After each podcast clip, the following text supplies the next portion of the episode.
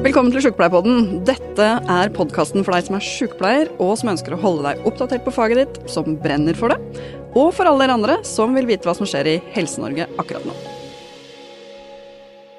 Og i dag så feirer vi samenes nasjonaldag. Hurra. Hurra. Hurra, ja. og vi har med oss en uh, gjest, og vi skal fortelle om en fantastisk opplevelse vi hadde da vi var på Finnmarksturné etterpå. Mm. Hvor vi møtte møtte Kristine. Eller da, som jeg nå har øvd meg på å si, Sjalgon Johanna Kristine.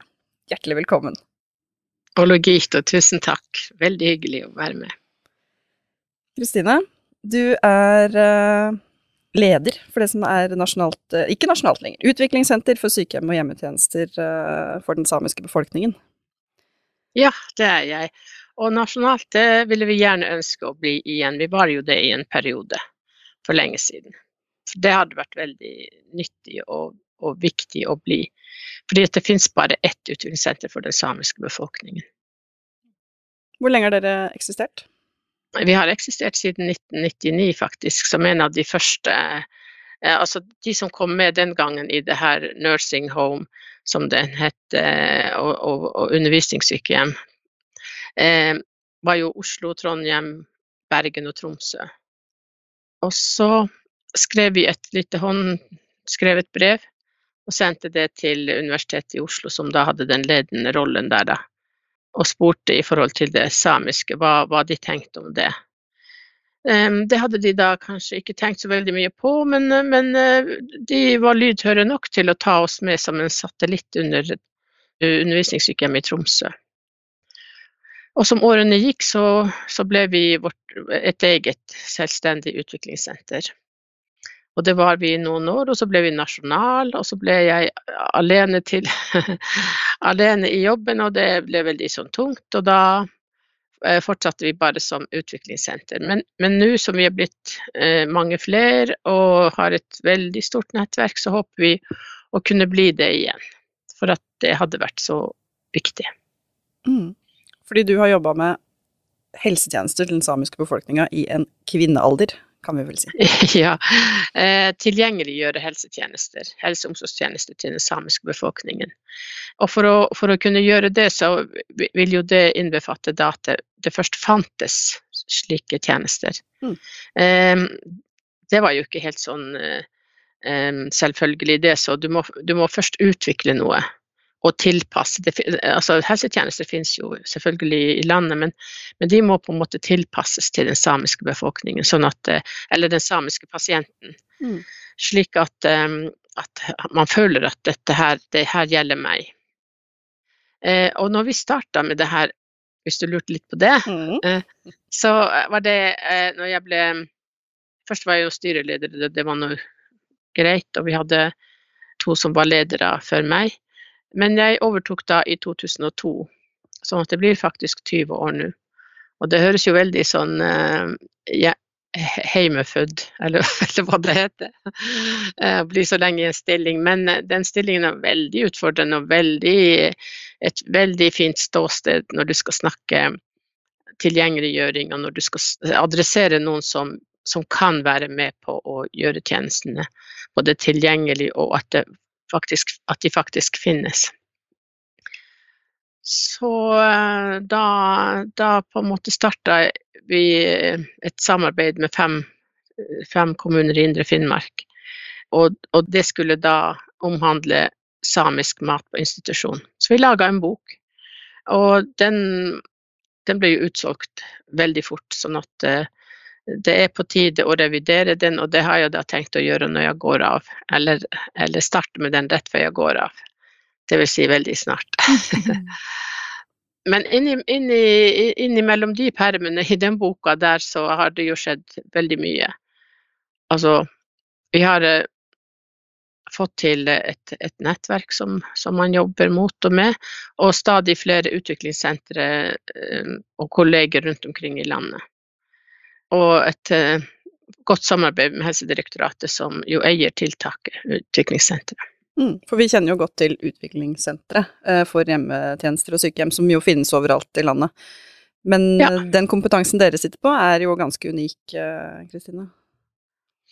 Eh, ja, for at eh, sånn sett eh, så er vi jo helsepersonell som jobber i utviklingssenteret, og tenker at eh, for å kunne gjøre det litt sånn som man skal, som man vet at behovene er, så må du på en måte bruke hele deg. Og da er det å ta i vare det som du vet er pasientens bakgrunn. Altså det med hvordan skal vi få denne tjenesten til å være tilgjengelig også for deg. Og når vi nå snakker om det, så har jeg nå tent et lys her, sånn her, eh, for å få vekk alt det som ikke skal være her.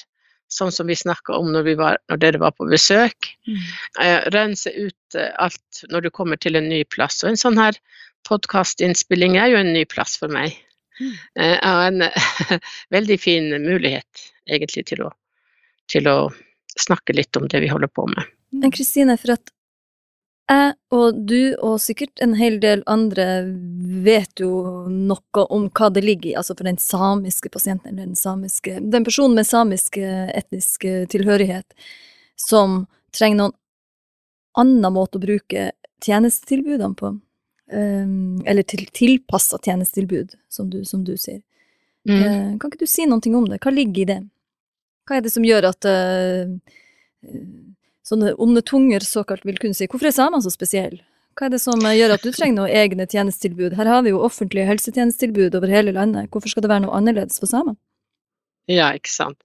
Eh, akkurat det hører vi ofte. Og, og når, når, Man tenker jo at i forhold til det samiske så er det så veldig mye, vi har så mye rettigheter og det er så mye spesielt. Jo da, vi har i hvert fall tre rettigheter som jeg vet om som er litt sånn utenom, ja, som man jo kaller for samiske rettigheter. Og det ene er det å kunne snakke sitt eget språk. Ja, ikke noen sånn særlig rettighet. Det, det å kunne utøve sin egen kultur, det er én ting, og det, det, skal jeg komme tilbake til, for det er det, det er der helsetjenesten ligger. Også det å stemme ved sametingsvalget. Det er de tre spesielle rettighetene vi har som urfolk i landet. Eh, det at tjenestene, at du skal føle deg eh, ivaretatt på et sykehus, betyr først og fremst at, du, at det blir kommunisert.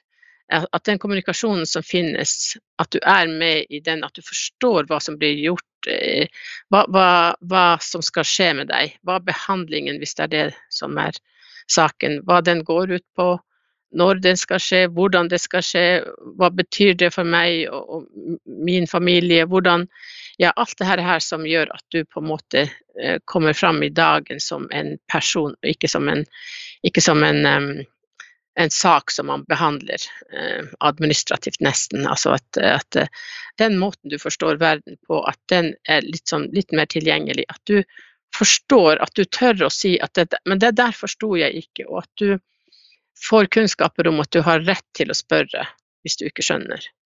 Eh, at du faktisk også har eh, rett på tolk hvis du må det.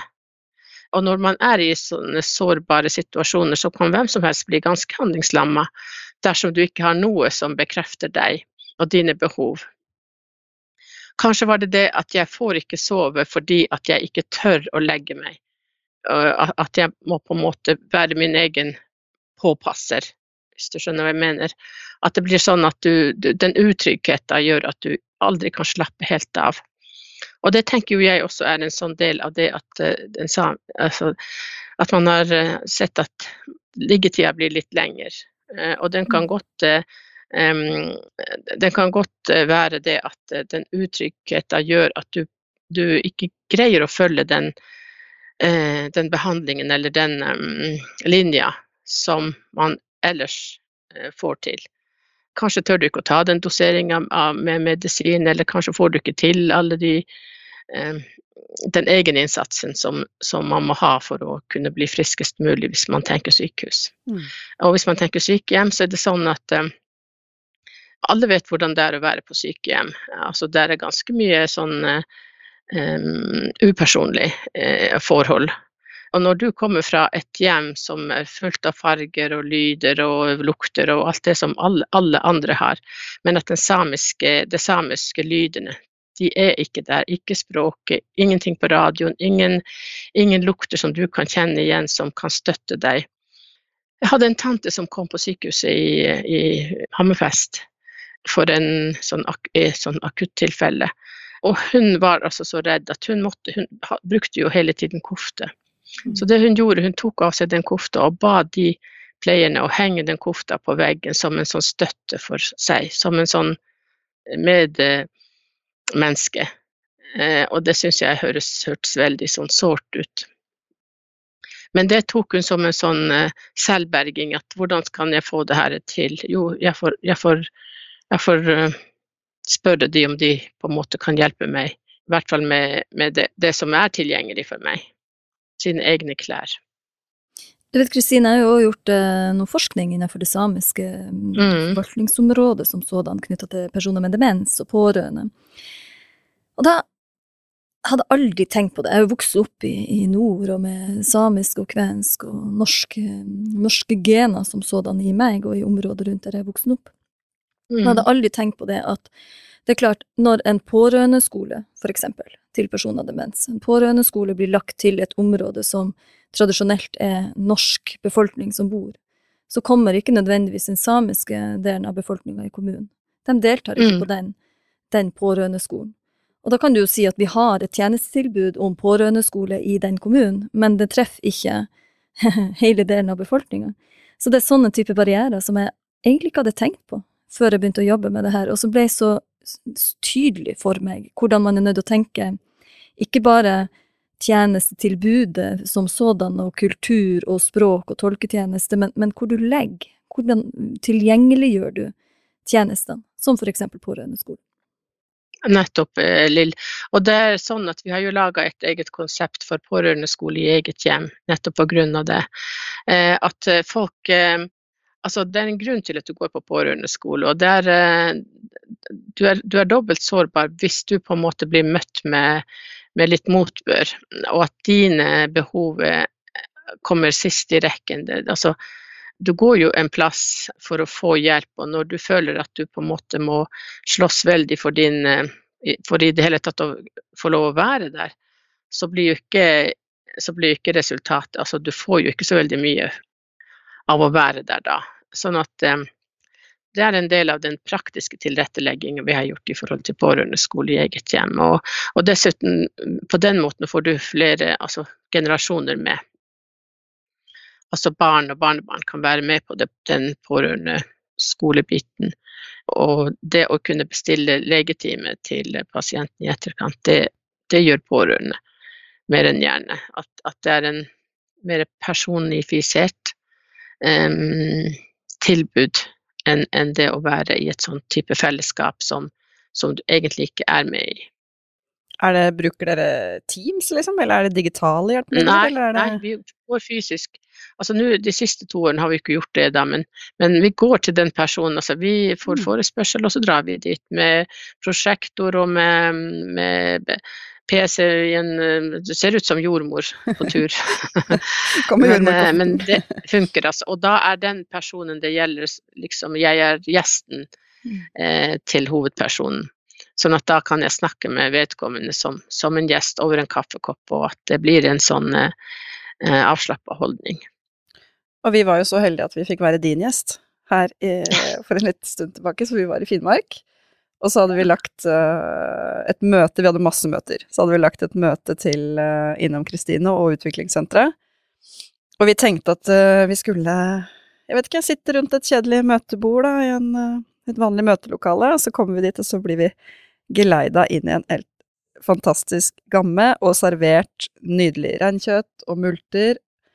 Og det er akkurat som du sier, da, at den settingen rundt der, den gir deg så mye mer kunnskap og åpenhet. Mm. Og Ja. Det er rom til fortellingen. rett Og og fortellingene er, er viktig for å bli kjent, altså for relasjonene man, man har, men Mm. for læring også. Um, så tenker du hadde masse lys eh, der òg.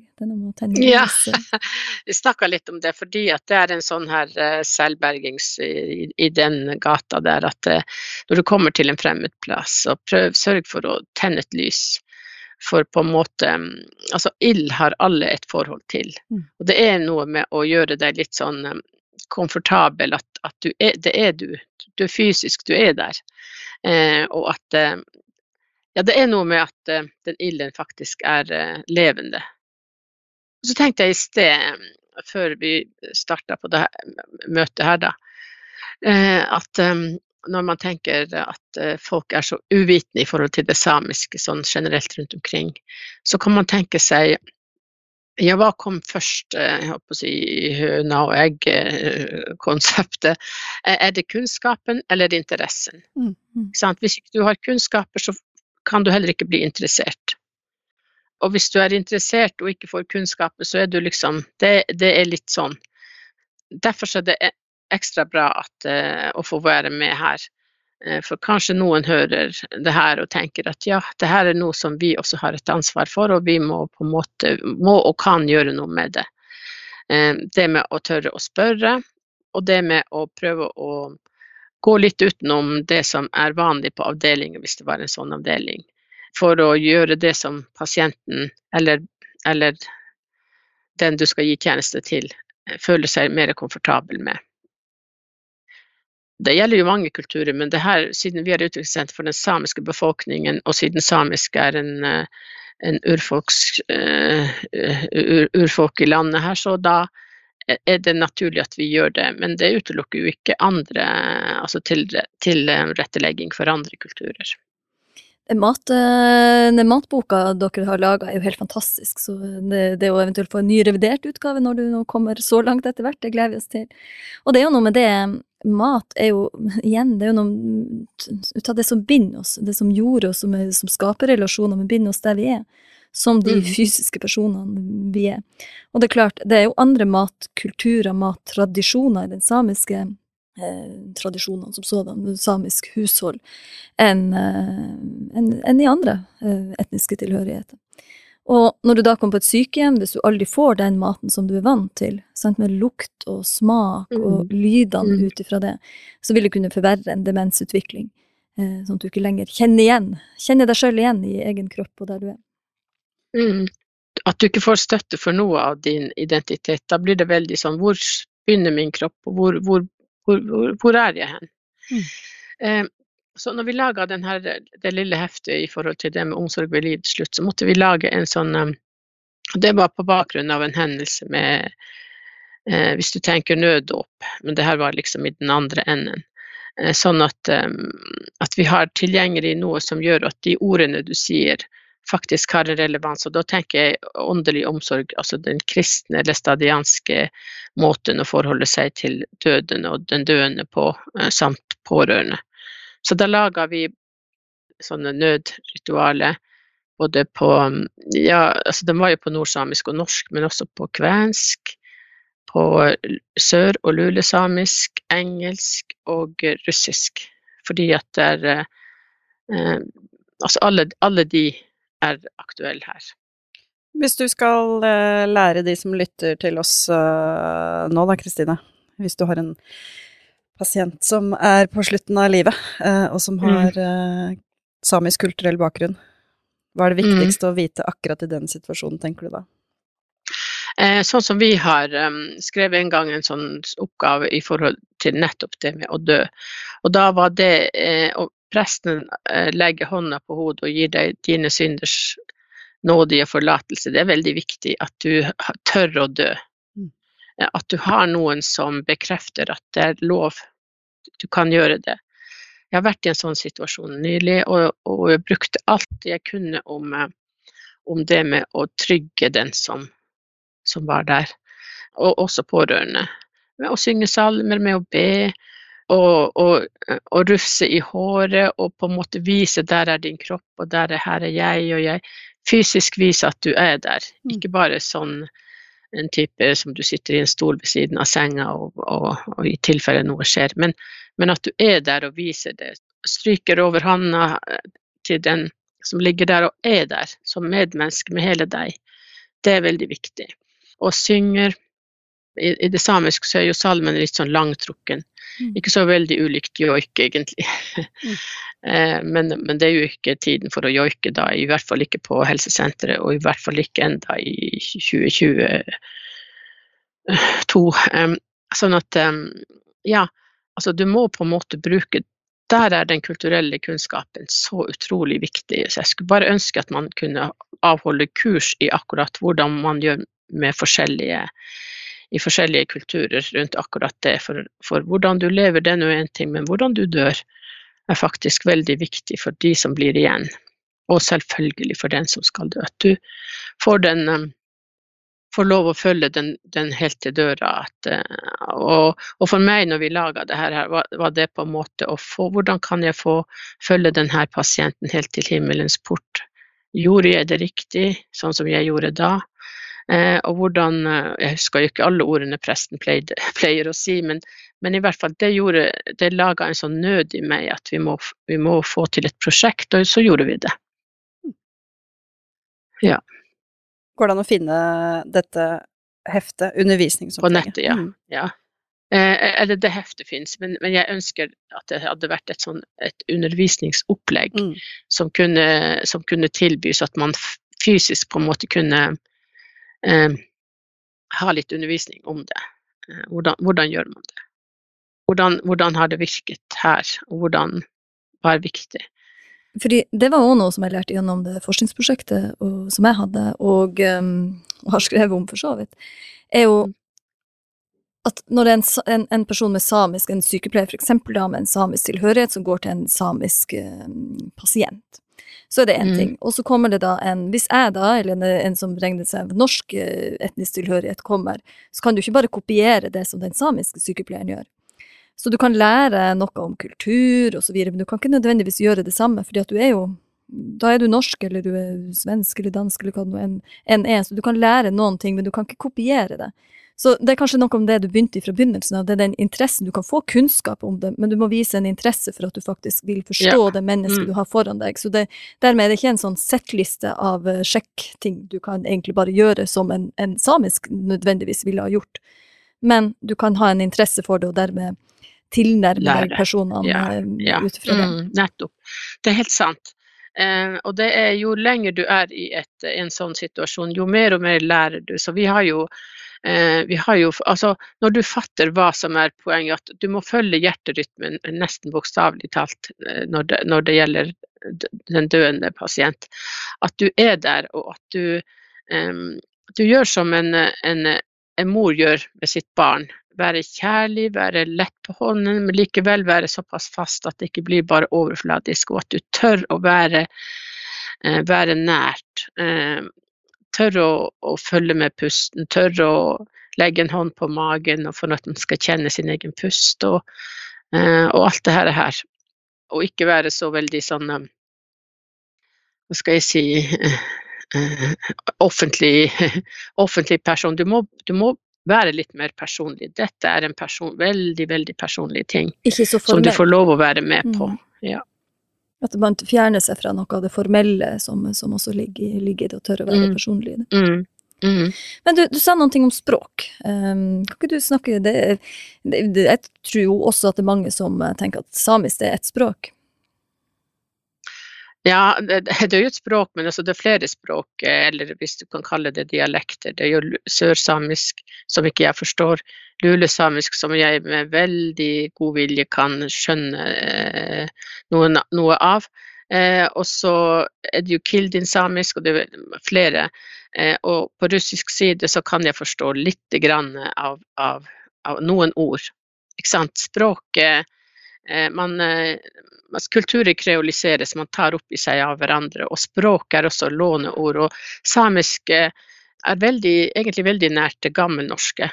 Altså islandsk og, og, og det gammelnorske. At du, at du faktisk fatter eh, at det er derfra det her språket kommer. Mm. Og veldig nært den finsk-ugriske språkgruppen. sånn at eh, Og så er det jo det at kulturen Det fins eh, helleristninger av reinsdyr i Frankrike.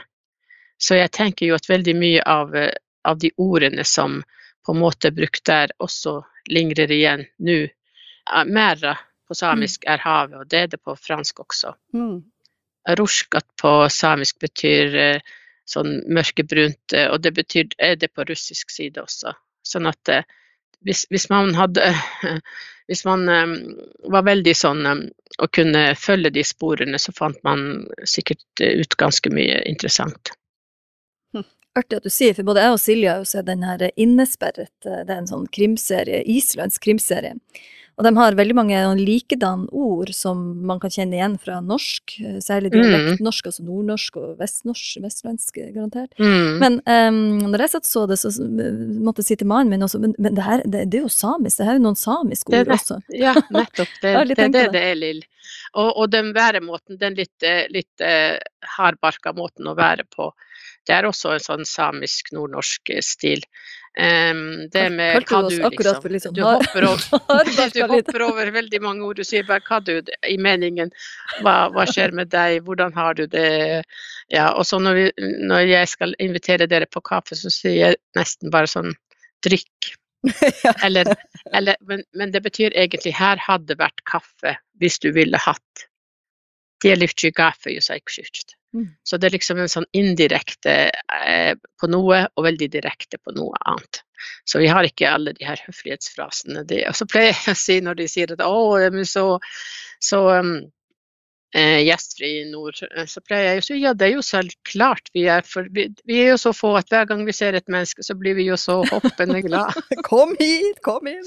kom bare hit!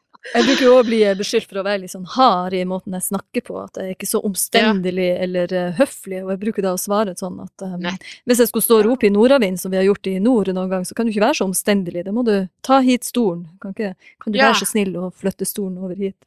det tar for lang tid, det høres ikke.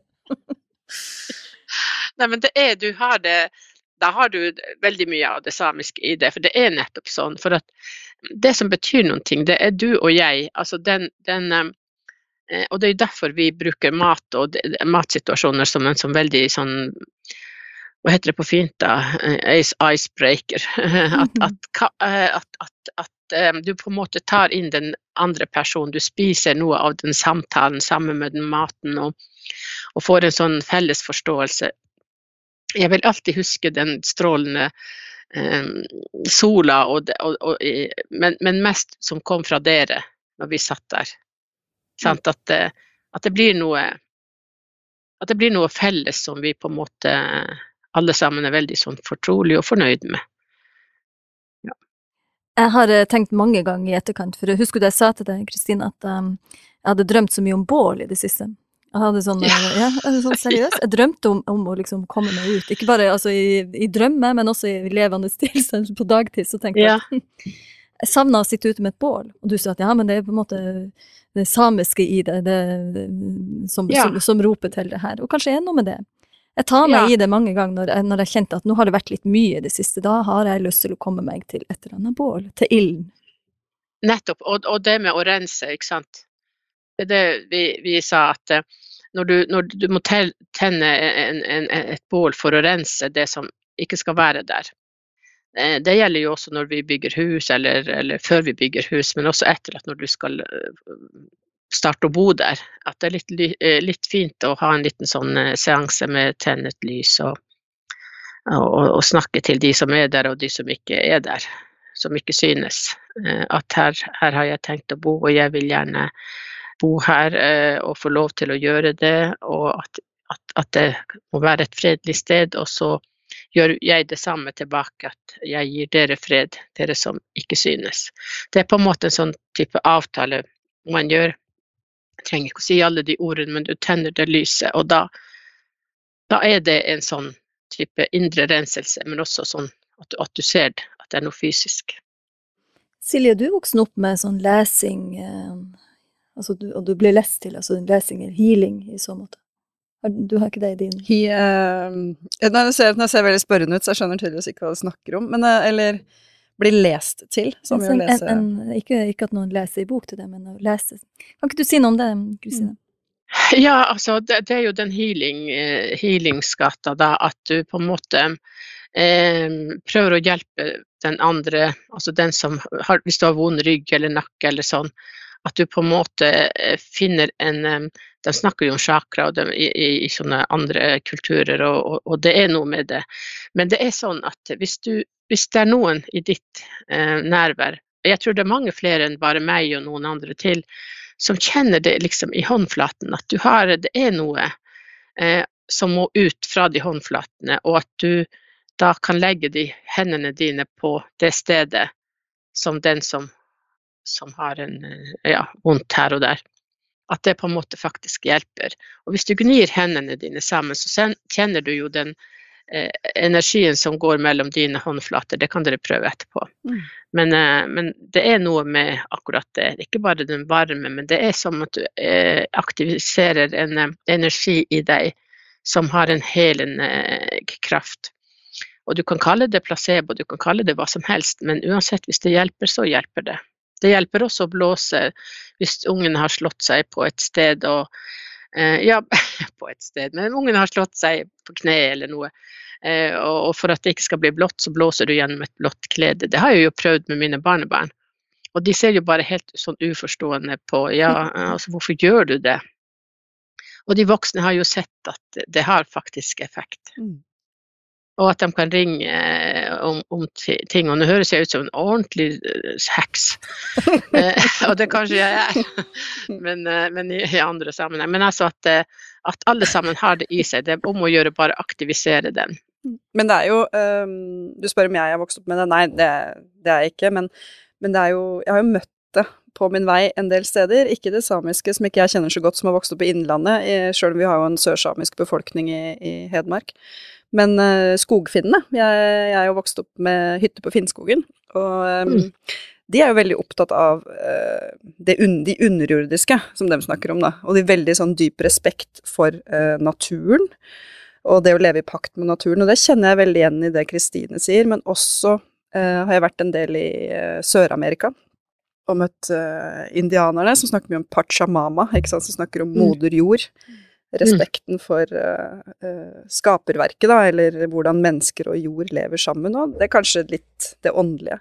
Så det er veldig sånn fascinerende hvordan det i veldig mange ulike kulturer, kanskje spesielt blant uh, urfolk, da, Kristine, har vært Mm. og fortsatt er veldig viktig. Mm. Ja, det er sant. Eh, Vi snakka med noen her om dagen om at eh, vi, vet, vi tenker ikke over det at når vi sitter ved et bål og er ferdig med å drikke kaffe, så slår vi, drikker vi aldri opp alt sammen. Vi slår resten i bålet. Mm. Og så spør jeg vet dere hvorfor vi gjør det. Nei, for sarahka og yuksahka og alle de her um, eh, Hva heter det for noe? Gudene våre, forfedrene og gudene våre, eh, bor under bålet. Mm. Bor i bålet. Sånn at vi ofrer jo egentlig til dem. Ja. Så var det ei som sa at ja, hun gjør det også, men hun gjør det i vasken. Så sier jeg det at ja, men du bor i moderne leilighet, og du har funnet din måte å gjøre det på som gir deg mening uten at du egentlig tenker over det. Det er en sånn oppdra I din oppdragelse har du fått det med deg uten at du har tenkt, og det er jeg sikker på at dere begge har. Det har jeg. Når du sier det der, så vet jo jeg at mine, min bestefar og min gammeltante, som jeg vokste opp veldig nært, de gjorde Mm. akkurat det når vi var på fjellturer. Mm. Men, Mm. eh, men, men det er jo der fornorskninga av, av det samiske og kvenske for den saks skyld også har gjort sitt. Mm. Sånn at jeg er jo ikke bærer av historien lenger. Jeg vet ikke hvorfor de gjorde det. De har aldri snakka om hvorfor de gjorde det, men det er klart, det gjorde de. Og, eh, men, men de er jo også barn av en fornorskningsprosess. Nettopp. Ja. Mm. Nei, det er, det er det, og jeg hadde et møte i sted der de sa at eh, ja, vi er fornorska, og da er det så Det er både sårt, men det er også sånn eh, et, en, en sånn, et nødskrik, kan du si, at, eh, at det er på veldig høy tid at det her utviklingssenteret kan være sånn her, et senter der man kan ta opp sånne ting, selv i en offentlig helsetjeneste. At det må bli en del av den offentlige helsetjeneste. Det med å se den enkelte personen sine behov i, i ulike faser i livet kan være fra fødsel til eh, fødsel, hvordan du fødes, hvem, som, hvem du skal be eh, å bli fadder av, hvor mange faddere du skal ha, hva skal barnet hete, hvor skal det døpes, hvordan Alt det der, der Mm. har jo en, en parallell til det norske. Altså, en, altså alt det der fins på samisk. Hjemmedåpet har vært viktig før fordi at man visste jo aldri hvor lenge barna levde, så og den lever fremdeles, altså den holdningen lever fremdeles, sånn at alle mine gutter er hjemmedøpt. Eh, og, og, og dåpsstadfesta i kirka. Og det handla da også om at du, da kunne du få lov å kle ungen opp i, i stasklær og, og gjøre det ved påsketider når man når, når kirken var tilgjengelig, når man hadde rein, rein de som flytta med rein og sånn, at de var nærmest Ja, det var tid for det. Mm. Den fornorsk, fornorskninga som du snakker om, Uh, med de konsekvensene det har hatt, både i forhold til liksom å miste egen kultur og eget språk, uh, for Mm. mange samer. Hvordan tenker du at vi uh, i Finnmark, da, eller området du bor, så er det Der er det en veldig stor samisk befolkning, så det er mye Altså Der er det kanskje mer en del av det offentlige ordskiftet. Mens i andre deler av landet Oslo er vel den plassen hvor det bor flest med samisk bakgrunn. Men jeg kan ikke huske eh, samisk kultur har vært et tema uh, på de sykehjemmene i Oslo, eksempel. Hvordan møter man de pasientene som kanskje når du kom på sykehjem, har fått uh, en demensdiagnose, og kanskje også det samiske blir viktigere for deg, da? Kommer mer tilbake til det. Det som vi har, vi har håper å si, slitt veldig med, og jeg husker at allerede i 1999 når jeg var omsorgsleder i Karasjok kommune, så ringte jeg til, til en omsorgsleder i Oslo. Så, og jeg hadde fått et navn, så hun var sikkert i en sånn type posisjon. Eh, og ønska eh, at man- skulle ha en egen samisk avdeling, sykehjemsavdeling i Oslo. Og det er en sånn sak som en, en, eh, fremdeles ikke er eh, kommet i, i stand. Og jeg vet at Sametinget også, jeg var på møte med dem i går, og de, de snakka også om det, at det hadde vært veldig nyttig. Og vi har gjort en, Utviklingssenteret har gjort en liten sånn undersøkelse at eh, og i hvert fall på elleve sykehjem finnes det samiske pasienter. Og det er jo nesten en sånn liten avdeling, det. Mm. For at da kunne du hatt, eh, brukt den avdelinga både som en sånn trøst og støtte til hverandre for de pasientene som da er samiske, ikke bare har samisk bakgrunn. Vi sier, vi sier samisk, eller ikke at noen bare har en bakgrunn, for det er liksom Mm. noe annet. Eh, Men, og, og at, eh, at, at, at det var enklere å rekruttere samisk helsepersonell, og at samtidig kunne den avdelinga vært en, en sånn type eh, plass å, å hospitere på og, og, og, og drive med opplæring. Det hadde vært en veldig sånn vinn-vinn-situasjon. Så det finnes ikke samiske, eller sykehjem med samiske sykehjemsavdelinger? eh, Langt ifra. Nei. Men det er jo sånn, eh, når jeg begynte med, med, med doktorgraden min i 2012, så husker jeg at vi, var, vi hadde noen møter med Tromsø kommune, blant annet, og noen seminar. Og der det da ble uttalt fra, fra toppledernivå på flere, flere her om at de hadde ingen samiske pasienter i Tromsø I. Tromsø kommune? ja. Bare, okay. Men det der er jo litt ut av problemet også, fordi hvis du tror at du kan se på en person om eh, den er Mhm. samisk og den er ikke samisk, det er jo ikke, sånn, det er ikke sånn det fungerer. Og da kan du si at hvis det ikke er noen som prater samisk, de hadde ikke kofte, så var det altså ingen samiske pasienter i Tromsø kommune, og det var jo helt riv ruskende galt.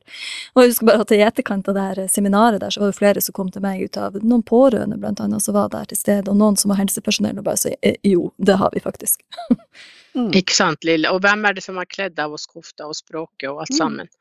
Det er den samme stemmen som, som, eh, som nå sier at ja, men ja. Ikke sant, at da har det virka veldig. Eh, og det er sånn at eh, hvis ikke du på en måte og Det er jo også en grunn til at eh, folk, altså det tallet på antall samiske eh, ikke har oversteget 20 000 på det jeg har kunnet telle. Altså, i, i, altså siden jeg kunne forstå hva, hva det tallet var for noe, så hadde ikke født, blitt født en eneste sa, samisk person til verden. Så det er jo veldig, veldig rart. Men det jo, har jo en sånn politisk side også. Jo færre vi er på papiret, jo mindre trenger man å bry seg. Og så er det det, den usynliggjøringen. Den, de sier at fornorskingen er over, men altså hvis den var over, så burde jo kunnskapen om det samiske vært mye høyere enn det er. Eh, og nå er det jo flere sånne her eh, utdanningsinstitusjoner som på en måte eh, er med i sånn Retos-samarbeid, og da prøver å få inn om det samiske inn i utdanningen. Og det er, jo, det er jo bra. Jeg har jo også vært med i den samiske sykepleierutdanningen, som nå heldigvis starter Mm. i Kautokeino. I programgruppen der for å lage de her læringslubbene og alt det der. der. Og at historie kommer inn, og at fornorskningen er en del av, og at dekolonisering er et, et ord man man må bli fortrolig med og, og, og ha forhold til. Eh, sånn at ingen lever mer enn ett liv, og det er vi som står i lenka til å kunne gjøre noen ting. Og så får vi spørre oss, jeg hadde nær sagt på den ytterste dag, ja, hva gjorde du for å få, for, for å få denne For at noen skulle få det bedre, takket være at akkurat du var der. Det er en sånn eh, en fin leveregel, egentlig. Gjør alt du kan. For, og så tenker jeg i forhold til, til, til de eldre at for noen er det bestandig den siste sommeren, den siste høsten, den siste våren. ikke sant? Gjør hva du kan. Mm. Eh, og tenk at du skal ha god samvittighet, at det var faktisk jeg, og jeg gjorde som min samvittighet sier.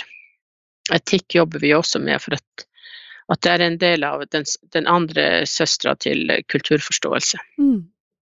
Mm. Mm. Ja, veldig fint og veldig sant. Og det er jo Men ofte så er man så avhengig av for det første politisk øh, vilje og anerkjennelse av at det er et, øh, en utfordring. Hvis ikke man anerkjenner utfordringen, så er det òg veldig vanskelig å øke kunnskap. Og så er du veldig avhengig av ildsjeler, sånn som deg, Kristine. Som bruker Blinkende stjerner, var det ikke det blinkende navnet? stjerner, var det ikke det? Ja, som bruker livet sitt, da. Og Nei, men jeg tenker bare det at du må tørre å stå i du, Jeg får jo pepper, jeg. Eh, Men det er liksom en del av det at det, det på andre arbeidsplasser Snekkeren slår seg på sine fingre og får vondt i knærne og sånn, og jeg kan få mye pepper og, og sånn, men da, det har jeg tatt høyde for. Det gjør ingenting. Eh, Det som er viktig, det er jo det at jeg har prøvd å gjøre min eh, Jeg har fått lov å bli sykepleier, og jeg har fått lov til å ta um, videreutdanning og den slags, sånn at det skal gjøre meg i stand til å, å kunne hjelpe. Og hva har jeg gjort med det? Mm. Så det er liksom et sånt spørsmål som du bærer med deg, og du da, da Det ansporer til, eh, til eh, aktivitet, altså. At eh, du, det, det gjør deg Du må bare jobbe videre, for dette. noen trenger deg. Noen er avhengig av at akkurat du er der. Er det noen som har laga en joik til deg? Ja, jeg har faktisk to. Du har to. ja, for at i Kautokeino, eller ja, jeg er jo fra Kautokeino, da er det sånn at det er ofte gutter som lager joiker til jenter, liksom sånn. Så når jeg sa at jeg har to, så skjønner dere jo blink, blink.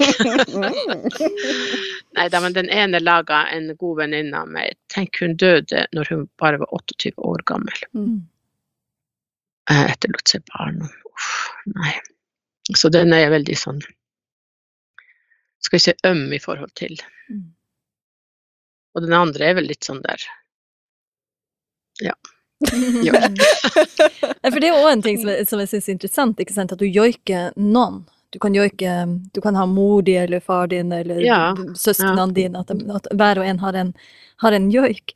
Så jeg husker det var, det var ei dame som var, var demenssjuk, og det var dattera hennes som fortalte om at um, mora hadde mista det norske språket, mesteparten i alle fall, og så mista hun etter hvert de samiske ordene også, men joikene kunne hun fortsatt. Så kunne, Ja. Og så kunne man på en måte følge henne sånn at etter hvert så mista hun ungene sine joiker, men hun hadde Mm. mora og faren og broren sin joik enda. Mm, Det kunne ja. hun på en måte joike enda. Eh, og det sier noen ting om, om, om hva som sitter, og hvor dypt det sitter i deg. Eh, og knytta til musikken, knytta til joiken, ikke sant òg. Men, men uansett, det der med å, at du joiker noen.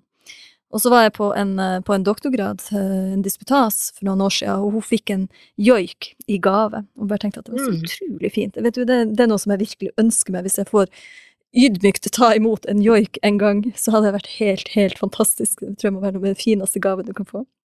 Det skal bli meg en ære.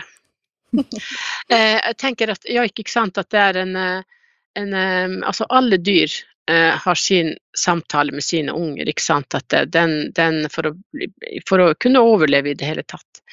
Mens joiken er din melodi på hvordan du er, eh, og hvordan du skal kjennes igjen, og hvordan du Altså det, det tar deg liksom sånn eh, kjærlig i favn. Du joiker jo følelser, du uttrykker følelser med joik.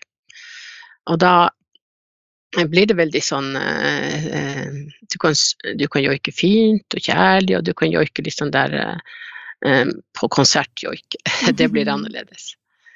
Eh, Men at og så kan du Det, det er jo mye, veldig mye brukt, ikke sant, når Altså joiken varer jo mye, mye lenger etter at du, man er død. Sant? Den finnes jo, vil jo finnes der som en sånn et minne Mm. som kan videreføres. Så nå har jeg begynt å lage joiker til mine barnebarn. Og det er sånn at når, når de litt sånn på Idol eller nei, Stjernekamp og det sier at ja, men joiken kommer til meg og flirer litt av det, så er det faktisk litt sånn, sånn som alle kan, kan få en sånn melodi i hodet. Mm. Og at du faktisk tenker på noen, og så, og så blir det sånn. Så lager du, broderer du det ut litt, grann, sånn som du kjenner personen. Så det, det kan skje. Det er stort sett sånn, man kan ikke presse det frem. Du må på en måte eh, tenke, og så de har jo hatt den her Joik meg-serien også, med folk som er fra, fra andre steder, og som Ja, Mm. flere som har vært med der og greid å få til noe som har betydd veldig mye. Jeg husker hun Elisabeth Andreasson som laga joik til sin mann, Mm. som, som litt etterpå der døde, og jeg tror jo at de er veldig glad for akkurat det. Mm. Den joiken, altså, den at det minnet blir så fint. Hun er jo så fantastisk sanger, så. Mm. Hvordan feirer du um, nasjonaldagen, da? Den samiske nasjonaldagen? Ja, den er jo ikke så veldig gammel, da, sånn at vi har ikke noe sånn at i barndommen så gjorde vi det. Um, den ble jo først feira i 1993, Mm. Eh, og det er jo ikke så veldig lenge siden. Men, men det, er jo, det er jo på vinteren, fordi det var jo da den første, det første å si, samiske konferansen ble avholdt, i 1917. Mm. Um, og med hun Elsa Laula Sten Renberg, sånn at det var det er Eh, Men vi tenker mat, og vi tenker uh, fellesskap. Sånn at eh, sånn i kommunene rundt omkring så har de jo arrangementer, kanskje ikke akkurat nå i fjor og i år og sånn, men, men, eh, men ellers er det sånn at de inviterer eh, venninner, altså jeg har to som er litt som vi har, som vi, vi har vært venninner i veldig mange år, og nå er de jo over 80 år, så inviterer dem på besøk, og det, den tradisjonen opprettholder vi jo. Og, så, og den familien som da er, er, er der, og det er her i nærheten, og det tror jeg de andre også gjør. Altså gutta har fått sine egne hjem, og da gjør de også det. Eh, litt sånn for å bare for å markere. Men eh, samisk nasjonaldag er jo ikke en offentlig, eh, offentlig dag, sånn, sånn helligdag, sånn at du har fri. Så du må på en måte finne din, din tid. Akkurat i år er det jo på en søndag. Hvordan kan eh, andre være med å feire, eller er det noe du vil anbefale folk, folk flest å gjøre på den dagen? Absolutt. Eh, Det med å lære seg Du finner eh, oppskrifter på bidos overalt. Det er bare å Mm. google. Lage, lage din egen bidos, og så invitere venner og og snakke alt du kan i forhold til det samiske. Så det finnes veldig mye kunnskap hvis man først vil. Eh, og, og, og det med å høre på joik og, og, bruke den dagen til å lære seg litt om det samiske. Det, vi bor jo tross alt i samme land, og Det er utrolig mye vi kan om det norske, så da er det jo, er det jo ikke eh, Og jeg tror jo ikke det er, eh, det er hodet det er noe i vei med når, når de på en måte ikke har den kunnskapen. Men det er, eh, det er både Altså, man blir ikke et, Den kunnskapen blir ikke etterspurt, og den eh, er på en måte ikke på dagsorden sånn, sånn av seg sjøl. Så da kan vi bruke den dagen i hvert fall til å fokusere på det. og å ha flere sånne dager i året, det hadde vært veldig bra. Vi flagger selvfølgelig, og så blir det jo spilt av denne episoden her, da, Kristine, så jeg tenker at da får folk litt mer kunnskap. Mm. Og så skal vi jo sørge for å legge ut noen lenker til eh, steder hvor de kan hente noe mer av den informasjonen som dere har lagd gjennom åra Ja. til eh, Mm. helsepersonell. Mm. Det høres veldig bra ut, og jeg tenker at um, oppskrifter det finner man i, på Matprat og alle, veldig mange andre steder. Det, og vi har jo hatt en sånn her skoleklasse, eh, altså fjerde og sjette trinn har vært med på matlaging og, og sånne ting, så vi um, Altså det går an å lære ungdom, og det går an å prøve ny mat. Eh, Altså det Nå fikk jeg skikkelig lyst på Bidos. Det er jo så godt. Det er godt. Mm, Ja. det, det er bare å lage. Det er bare det. Ja, det er, en, en, det er næringsrik, og det er liksom eh, one pot, som de kaller det på nynorsk. Så det er liksom Ja, det er enkelt, greit. Lite oppvask. Ja. Vi skal begynne å avslutte, men uh, vi får vel si uh, Ologito. logito. Ologito, selvfølgelig, men også Liku Baby. Å, oh, ja, ja. oh, Nå blir jeg litt rørt. Så bra. Ologito logito i alt, alt settet. Jeg liker babyen, ja. Mm. Og til alle der ute i den samiske helsetjenesten og helsetjenesten for øvrig. Eh, veldig takknemlig for at, eh, at dere vil eh, håper at dere vil se litt ekstra til den samiske pasienten. Han er ofte alene. Med det så sier vi takk for dagens episode av uh, Sykepleierpodden. Liko baby. Likubabyen. Liko litt,